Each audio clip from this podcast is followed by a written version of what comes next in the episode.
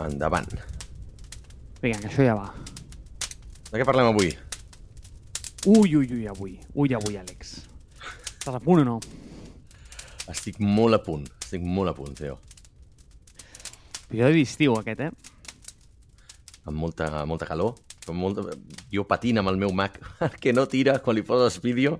A veure si patarà la gravació a mig, mig això. Ahir estava gravant un podcast, de fet, de, de Mars Based, i el Mac va patar a mig vídeo. O sigui, portava, està gravant jo un vídeo sol.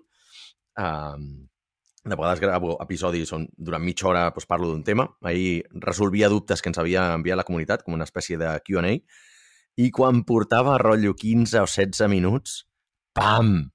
The recording has stopped. No sé si per la calor, perquè s'havia quedat sense espai al disc, tot plegat, tio. Uh, és hora de canviar de Mac. Esperem que el recording does not stop, ara. No, no, no, no. Bueno, perquè ho estem fent per una plataforma web, saps? Li afecta menys el tema aquest, però, però jo estava gravant en QuickTime i se'm va anar a la merda. Vaig haver-ho de gravar en Zoom, però bueno. Ai, tecnologia. Anem al torró, no? És interessant, això d'avui. Perdó. Sí, sí. Um, jo tinc, tinc ganes perquè és un tema que fa molt temps, fa molt temps que surt, que cueja, i no en concret aquest, però, però les històries de Google, la privacitat, han estat allà des de sempre, saps? Llavors ja tinc curiositat per saber exactament que... Eh, no, no tant què ha passat ara, perquè ho sé, però si no... Si algun dia acabaran aquestes històries. O sigui, saps per què em sembla interessant, tio? Eh, mira, quan veig aquests temes de política i el Tribunal de Justícia Europea, que si Google el prohibeixen... Tio, saps què faig o no?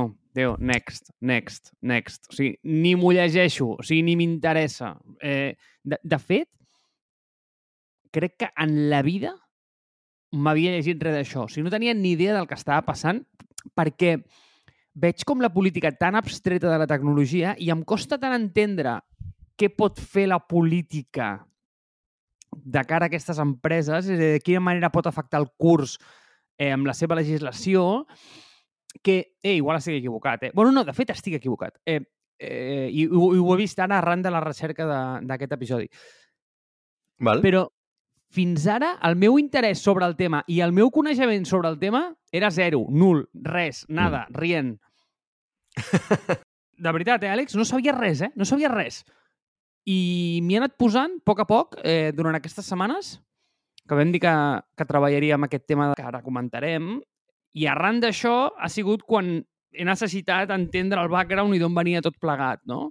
Val? I degut a això, hòstia, m'ha semblat estar inclús interessantíssim el que està passant i el que està fent la Unió Europea. És molt curiós, eh? És molt curiós. Però tot comença amb un paio, ¿vale? Tot comença amb un paio que no sé si eh, a tu et sona familiar. Si jo et dic Maximilian Schrus, et sona Absolutament no, absolutament no. No, no, no, no sé qui és. No! No saps qui és el Max. No? Doncs el Max, dintre de res, passarà a ser el teu nou ídol, eh? Val?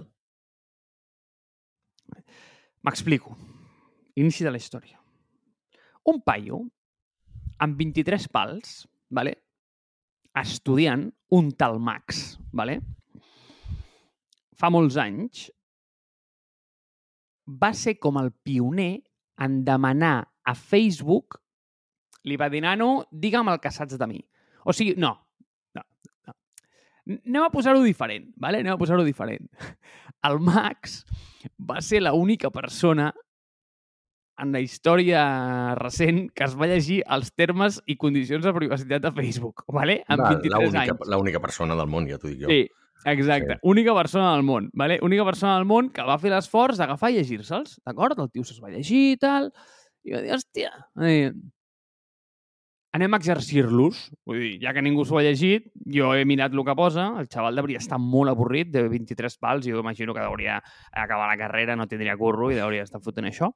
Mm -hmm. eh, a, a vegades et preguntes, què és la cosa més tonta que podria fer per saltar la fama? Doncs pues en aquest cas va ser això. Mira, Eh... Bueno, tonta o útil. A veure, a veure on em portes amb aquesta història, no, no, però espera, sembla que serà útil. Eh? Espera, xaval, que aquest paio... O sigui, passarà la història i veuràs com, eh? Veuràs com. Eh, fixa't. Doncs pues el tio es els temes de privacitat i va a Facebook i li diu, eh, Facebook, give me, give me the data. O sigui, què saps de mi, nano?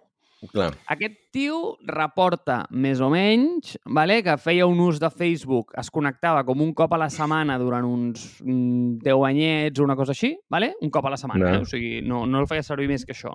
Eh, no, Mhm. no postejava res, no penjava res, bla, bla, bla. I, nen, li envien a casa un document de 200 pàgines infumable amb tota la info que tenia Ja. eh, el tio, quan va començar a mirar el que hi havia allà, és que no en tenia absolutament res. O sigui, tio, deia, Val. com collons podeu saber tot això de mi? Llavors, el tio, hòstia, es queda com preocupat, no? Eh, fent el mateix exercici amb gent més influent i que fa servir més Facebook, veu que els hi envien uns totxos, tio, de mils de pàgines, literal. Val. És a dir, Quijotes de la Manxa Ja, d'informació. ja, ja. Uh -huh.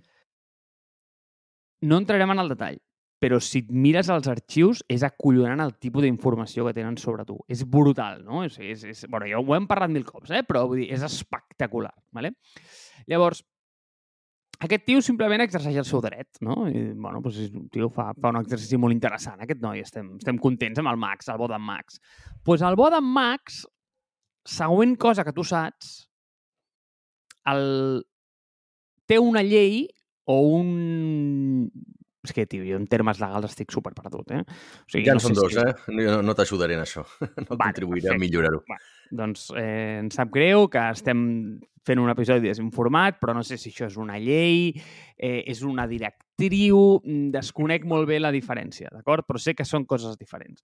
Eh, o la legislació no ho tinc clar. Però és algo que té el seu nom, es diu SRUS 2, deuria haver-hi un 1, eh, abans, que també es coneix com la revocació del Privacy Shield. Saps què és això? És important, també. eh? No, no sé Vale. què és el Privacy Shield.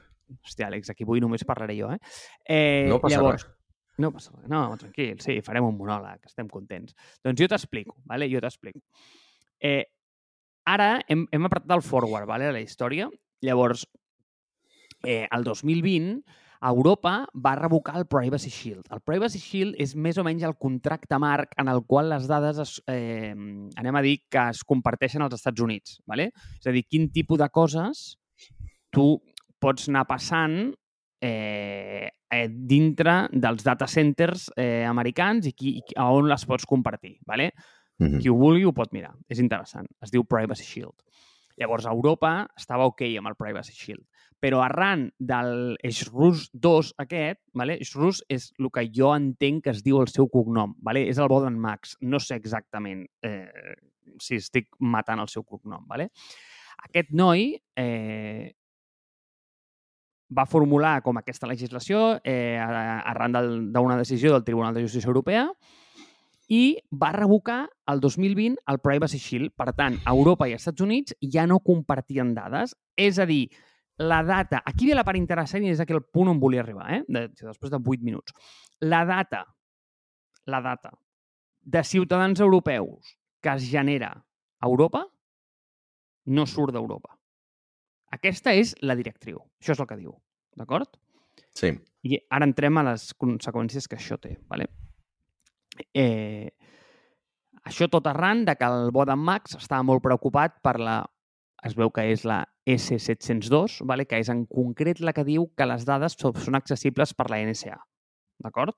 I, I que tio, la NSA pues, obre la porteta i pot mirar el que li doni la gana. Vale? Vale.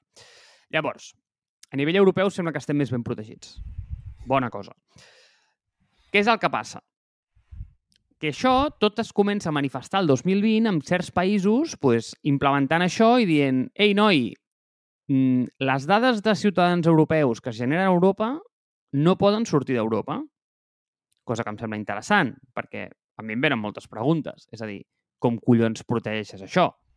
Perquè, en realitat, entenc que sí que les pots rascar, però no les pots extreure.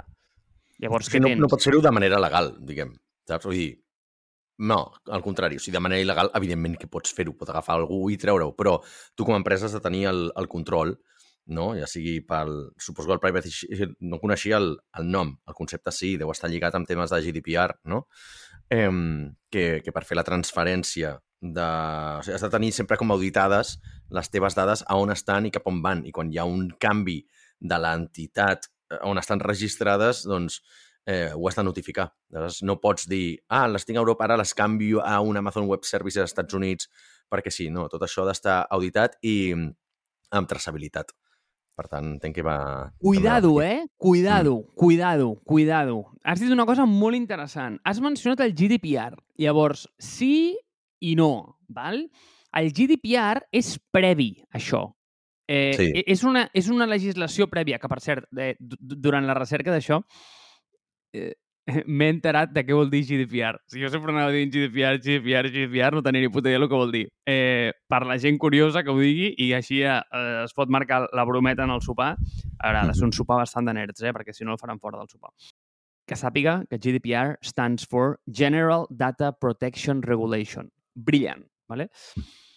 Llavors, tornem al GDPR. Això és prèvia, això és posterior al GDPR, el GDPR és una cosa que va abans, Llavors, el que jo no entenc molt bé és... O sigui, primer, com t'assegures de que això passa? És a dir, què vol dir que un ciutadà europeu, primer, tu com collons saps que el tio és europeu o no és europeu? La data es genera allà i no surt d'allà. Llavors, això què vol dir? Que la dada es pot generar però tu l'has d'accedir com en un dashboard diferent? Perquè, clar, o sigui, si tu estàs a Nova York, pots accedir a la data dels americans, però si tu vas a París, pots accedir, doncs ara m'ho vaig a inventar, ¿vale? eu.analytics.com i en allà sí que pots accedir a la, a la data dels, de la gent europea. Llavors, mm, com es fa aquesta segregació de dates no ho tinc molt clar, d'acord? Eh. Llavors, això evoluciona, evoluciona, evoluciona. Eh, Àustria i França durant el 2021 diuen que Google Analytics és il·legal, passen mil merdes, posarem links a les notícies, eh, són interessants. Però tot això culmina amb que fa poc Dinamarca va prohibir en un ajuntament que es fes servir Google Workspace. T'hi cagues! És a dir, ja no podien fer servir ni putos Google Docs, tio. És heavy, això, eh? Bueno, um, si tu al final vols tenir control... Si no saps tu, amb Google, a menys que facis una recerca molt, molt, molt profunda del, del Google Workspace, i no sé si és configurable, perquè és un tema que mm, a nosaltres no, no ens afecta, però, però entenc que des d'administració pública vulguis tenir molt més auditat on estan les teves dades i, i tot això.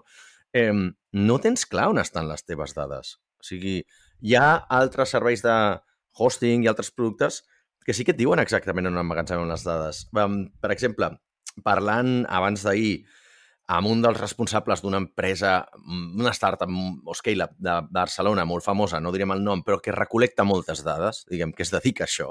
Eh, ara, deu ser per això, no sé si és per això o està relacionat, que tenen el gran projecte de, de distribuir les dades per, per diferents zones geogràfiques, perquè fins ara les tenien totes, em sembla que als Estats Units. I han dit, no, perquè hi ha empreses d'Europa de, que diuen no, no podem fer servir eh, el vostre producte, diguem-li així, si no teniu les dades a Europa. I aleshores pot ser que vingui per aquí, no? Eh, també crec que no hi ha suficient... O sigui, la gent no es preocupa molt d'això, però estic esbiaixat, eh? Perquè jo al final estic més amb, un, amb una dimensió d'empresa molt més petita que les que poden tenir grans problemes per això. M'explico. Les empreses petites, evidentment, que tenim problemes per això, però serem les últimes en ser auditades. Però una empresa pública eh, està auditada constantment. Ha de tenir tot això a rajatable, com, com, diria, com es diria en català supercorrecte, no? Vull dir, has de tenir això eh, d'una manera excelsa. Uh, com més gran sigui la teva empresa, més ulls estan a sobre teu, més, més penya t'està auditant, ja siguis empresa pública o no, i més problemes legals pots tenir. Pot ser que també tinguis un departament legal a dintre empresa que s'encarregui de, de, ja, de gestionar i supervisar totes aquestes coses de manera proactiva, no? Però com més petites van fer les empreses, dius, bueno, ja em preocuparé d'això més endavant, no? Eh, ja creuarem el riu quan arribarem al riu, perquè tens tantes altres històries per solventar que no pots focalitzar-te en tot això. O sigui, jo estic convençudíssim, però convençudíssim, que la majoria d'empreses de sota de 50 empleats no tenen el GDPR al dia. No, diré més, no compleixen la LOPD.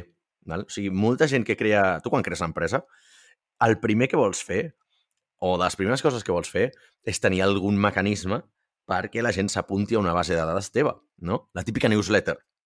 O si fas una, una llista de correu per, per, per anunciar els teus esdeveniments, el que sigui.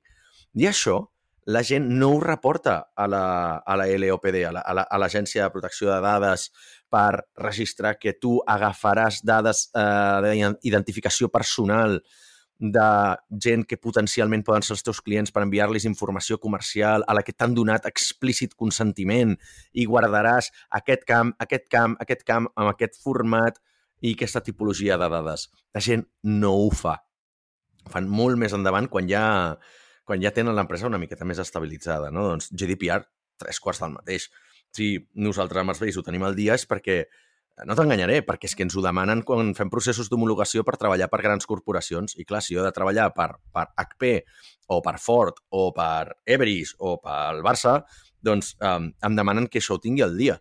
Perquè ells han d'estar coberts en tant que gran corporació, no només per ells, sinó per tothom que treballa per ells. Per tant, els contractors i els proveïdors també ho han de tenir al dia. Si no, no pots treballar per aquestes grans corporacions. No? O sigui que de vegades és no només tu que ho hagis de complir, sinó els teus derivats, tota la gent que treballa per tu i amb tu, també ha d'estar protegida, perquè allà és on pots tenir les fugues aquestes de dades. No? Tu imagina't que el HP contracta una empresa d'això, una empresa de França per dir alguna cosa, i aquesta empresa no, està, no compleix la, el GDPR i, i tenen una fuga de dades per allà. La multa a l'empreseta de França, evidentment, li caurà o sigui, tot, tota la força legal d'HP però HP es menjarà un marron bestial perquè han tingut un, un leak, no? han tingut una filtració eh, i el gran nom el té HP, no? O sigui, la, el sensacionalisme, la premsa aniran cap a ells.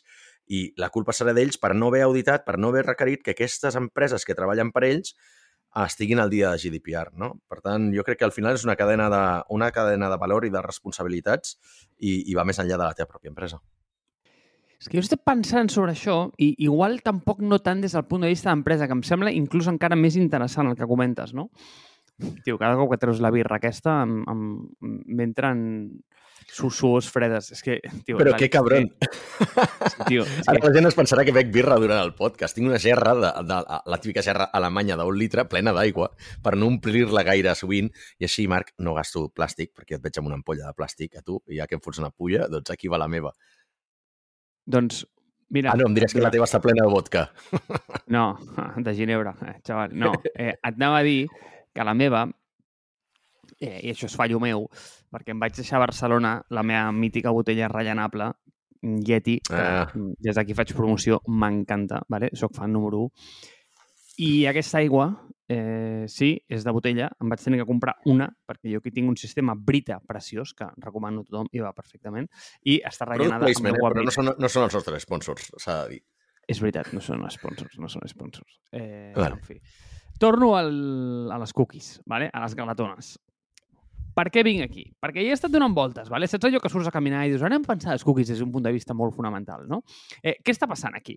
O sigui, jo penso que des del món digital tio, s'han pres certes concessions que al món real ens semblarien... Aquestes analogies m'encanten. És a dir, ens semblarien absolutament fora de lloc i intolerables. En canvi, com que el món digital es podia, doncs ho hem provat. Exemple, exemple.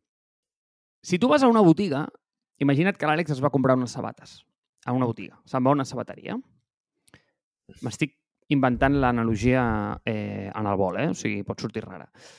Llavors, allà hi ha un botiguer i tu li compres unes sabates, aquest senyor et coneix, llavors, a poc a poc, mm, ell et va coneixent i tu doncs, li vas donant informació a aquell paio i anem a dir que com que li vas donant informació a aquest senyor, doncs aquest senyor et coneix millor i et pot fer recomanacions i sap que tu doncs, vas a la muntanya, bla, bla, bla. Vale? Molt bé, perfecte. Fins aquí és ok.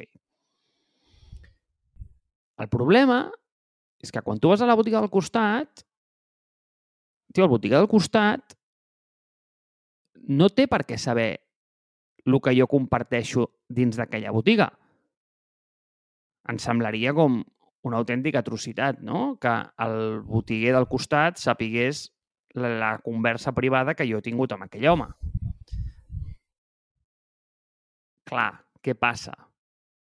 Que amb el tema de les cookies, no només el botiguer del costat té informació sobre mi i es comparteixen de forma transversal, sinó que hi ha una super, super, super botiga que toca't els ous ho sap tot. O sigui, no només té la informació d'una i l'altra, sinó que tio, les té de totes, no? És a dir, seria com el macrobotiguer, seria com l'omnipotent déu botiguer.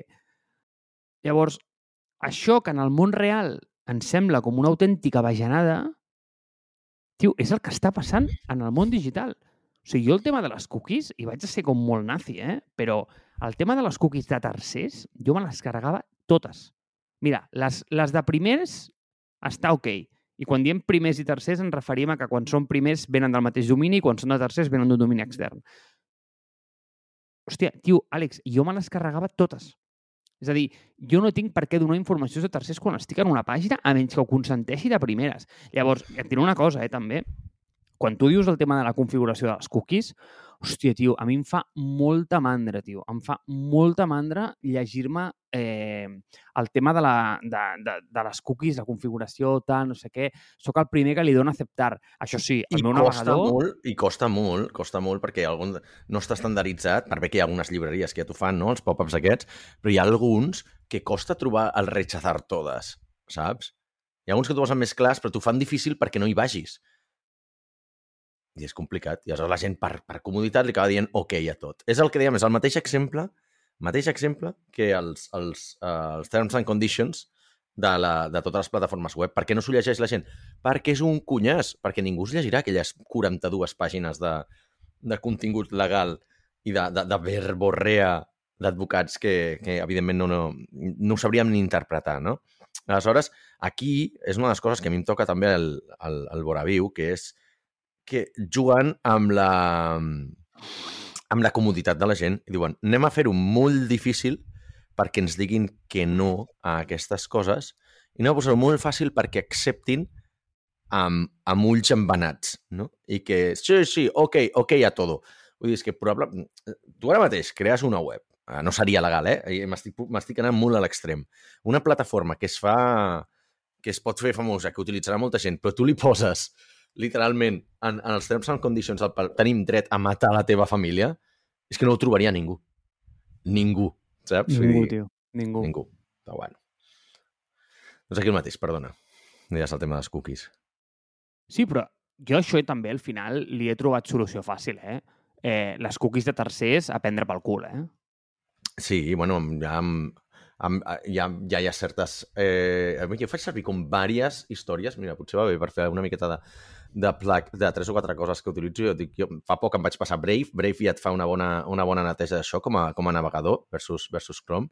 Però faig servir un altre programa que es diu AdGuard, AdGuard, que sí, també, bo. és, també és bloquejador, trackers i tot, uh, sí, perdona, anunci, et treu anuncis, et treu trackers, et treu bastantes històries i de veritat queden les coses bastant més netes. Evidentment, el clàssic de tota la vida a, a The Block, perquè al final dius, hòstia, estic bloquejant coses per, per tres o quatre canals diferents, no? Vull dir, dius, i, i cada un et treu moltes coses. Vull dir, és que si Brave ja durant la sessió et diu, mira, t'hem bloquejat tots aquests eh, blockers. Dius, vale, ja, però és que d'AdQuart, bueno, clar, AdQuart, mira, des de fa un any, un any exacte que el tinc, eh, ha bloquejat 2.192.276 trackers. Mira, 77, ara mateix.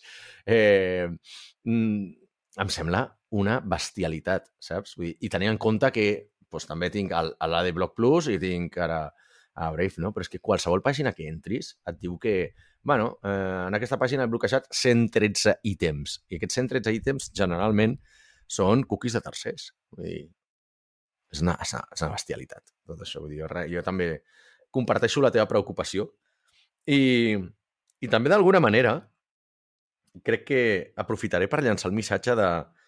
Crec que tots hem sentit alguna vegada la gent que et diu mira, eh, jo és que privacitat d'internet és que no tinc res a amagar, saps? M'és igual. Xato, no, xata, no es tracta de que no tinguis res a amagar, es tracta de què faran amb les teves dades després, no? Perquè tu no estàs en control. Una cosa és que diguis, no, és que Facebook sabrà que m'agraden els gats i per això em fica més eh, coses de gats a Instagram. Fantàstic. Vale. Però totes les altres coses de quan pagues per targeta de crèdit, a qui li pagues, amb quina freqüència, quin, de quin site venies i a quin site vas després, eh, el número de vegades que et connectes, amb quins dispositius, on estan físicament aquests dispositius, com et mous pel món, no? Vull dir que en realitat és tot això, com saps a les mans de qui acabarà, no? M'explico. Per exemple, a Alemanya sempre hi ha hagut molta reticència al tema de l'ús de les targetes de crèdit. Val? És un país que si tu vas allà, uh, almenys a les ciutats on he viscut jo, Berlín i Múnich, costa pagar amb targeta de crèdit. Berlín molt més que Múnich, eh? És algo exagerat. Però per, per dues coses. Una és per tema privacitat. Els alemanys són molt, molt, molt... S'estimen molt la seva privacitat. De fet, i no en va, van ser el primer país, que si no recordo malament, va demanar tapar les cares de la gent i les matrícules de cotxes a Google Street View. De fet, no, potser no tenen ni Google Street View. Eh? Sé que durant una temporada no el van tenir, el van tenir completament bloquejat. Eh, I després pel tema de que no volen viure en crèdit. És una societat que, que viu molt... O sigui, no, no, no li agrada el concepte crèdit, el concepte de deute, no? Aleshores, què, què vull dir amb això? Que, hòstia, quan tu pagues amb targeta de crèdit, la targeta de crèdit dona una informació teva bestial sobre on has comprat, què has comprat, quan ho has comprat, tenies diners sí o no en aquell moment, eh, en quin país estàs, dona informació geogràfica d'on estàs, no? dels teus desplaçaments. Poden saber en un mateix dia on has estat, no? Vull dir, jo això ho trobo una... I conec gent que no fa servir targeta de crèdit per això, perquè diuen, mira, és que em toca els ous que la gent sàpiga on he estat i on he gastat els meus diners, saps? No, no per res en concret, però aquesta informació després hi ha un data leak gegant de Mastercard o de Visa o de qui sigui o dels bancs i aquesta informació la poden fer servir en contra teva. No? Vull dir, no ho sé, jo cada cop comparteixo més aquesta visió conspiranoica però fonamentada en la, en, des d'una base tecnològica i de privadesa de dades que té, que té aquest tipus de gent. I, i afegeixo un cable, ja que som, en el, la publicitat de adblockers, trackers, bla, bla, bla, per als més nerds de la nostra audiència, que jo no sé si ho has configurat mai, és que a mi Raspberry m'encanta. Jo tinc diversos projectets amb Raspberry perquè, tio, em semblen acollonant. Hi ha un concret que es diu P-Hole. Que... No el conec. Oh, Àlex. No, no he fet res amb Raspberry, jo. Quin problema hi ha? Quin problema hi ha? El problema hi ha és que tots aquests tracker, i tots aquests adblockers i totes aquestes merdes, a menys que siguin open source com el MuBlock, mm -hmm. totes tenen el que es coneix com els mm, Fair Usage Advertisement i aquestes merdes que sí. eh, els deixen colar. Vale? I al final, quin és el seu model de negoci? Pues, tio, pues, si ets fair, pagues, els hi pagues i, i ells et deixen, deixen passar. Exacte. Vale? Deixen... No, evidentment no són perfectes, no. I menys, ah, clar, clar. menys sent gratis, com, com a The Block, no? Clar. AdGuard diria que és de, AdGuard és de pagament. Almenys jo tinc el sí. de pagament. Doncs, vale. Llavors, on vas, on vas? El P-Hole, vale? Tio, és open source de la hòstia. Eh, llavors això tu muntes en una Raspberry, tu fots a casa, nen, i allò, bueno, o sigui, allà no et vigila ni la teva mare, eh? O sigui, és acollonant. I tu o sigui, tens muntat, evidentment, no? Això ho vaig muntar un dia, però és complicat, eh? és complicat, perquè llavors quan surts eh, t'ho has de posar a través d'una VPN, es fa difícil, es fa difícil. Eh, jo faig servir un que es diu One Blocker, m'agrada molt. Eh, és el que, de fet, si t'interessa, recomana John Glover, aquí te'l deixo. Jo tinc un somni humit, que sé que no passarà mai, perquè ens carregaríem els fonaments d'internet, que és que algun dia desaparegui tots els anuncis. O sigui, tots els maleïts anuncis. O sigui, és una cosa que cada cop em dona més, més fàstic i repulsió el tema de la publicitat. O sigui, és una cosa que no suporto, perquè és que veus que qualsevol cosa que comences a utilitzar, a la que ja es fa una miqueta popular, li posen anuncis. Per què? Perquè sembla ser que és l'única manera de poder monetitzar a escala el B2C i, i fer-ho fer, de manera efectiva, ràpida i sense cap tipus de miraments, no? Hòstia, i, i cada cop, pues, Spotify no, perquè, perquè el pago, no? Però, hòstia, YouTube. Clar, al final et fan pagar perquè és que et posen 30.000 anuncis entre vídeos, tio. És una, És algo horrible. Si, si hagués... Jo et dic, jo estic buscant l'empresa que vulgui carregar-se tot el sistema d'anuncis i, i fer com un, un blocker universal d'anuncis perquè no vegis mai més un anunci a cap dispositiu teu. Val? Eh, jo invertiria en aquesta empresa, tot i que sé que se la carregarien els dos dies. O sigui, no hi hauria ningú que, que li interessés eh, eh, que aquest tipus de model funcioni perquè destrueix els fonaments d'internet, tal i com el coneixem. A veure, jo et donaré bones notícies, eh, per anar tancant.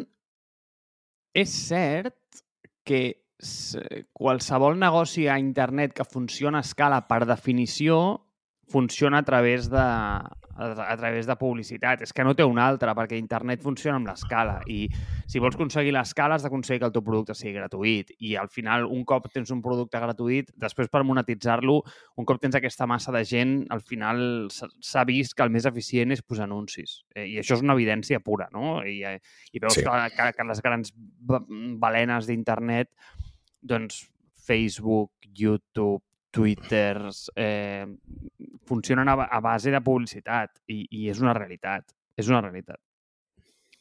Malgrat, malgrat, també hem de dir que cada cop més, i, i no sé tu, eh, però jo ho veig, l'economia del creador i, és a dir, aquests petits nichos de contingut on són molt atractius per una minoria de gent eh, molt interessada en aquell vertical, és a dir, algú em podria seduir a mi amb un canal de YouTube d'avions de la Segona Guerra Mundial, per dir alguna cosa, d'acord? Mm -hmm. Llavors aquest paio podria servir, pues, no sé, a una audiència de mm, 200 persones, tal.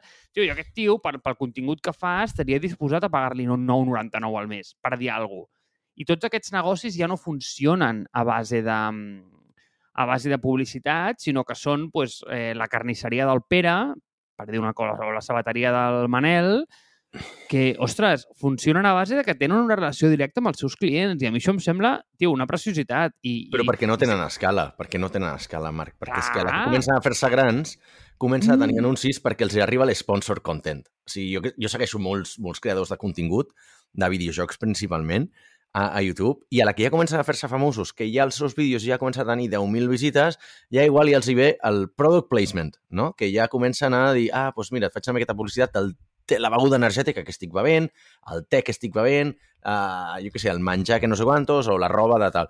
Després ja fan sponsor content, que és com, bueno, ja anem a fer algun vídeo sponsoritzat. I, evidentment, si arribessin a tenir l'escala d'aquestes grans tecnològiques, també et posarien anuncis al seu contingut. El que passa que mentre...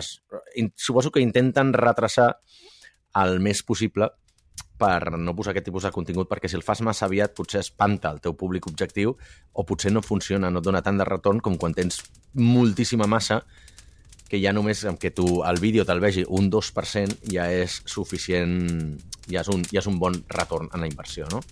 Però l'economia del, del creador, l'economia de, la, de la passió, de la passion economy, mm, no acabarà amb els anuncis, amic meu.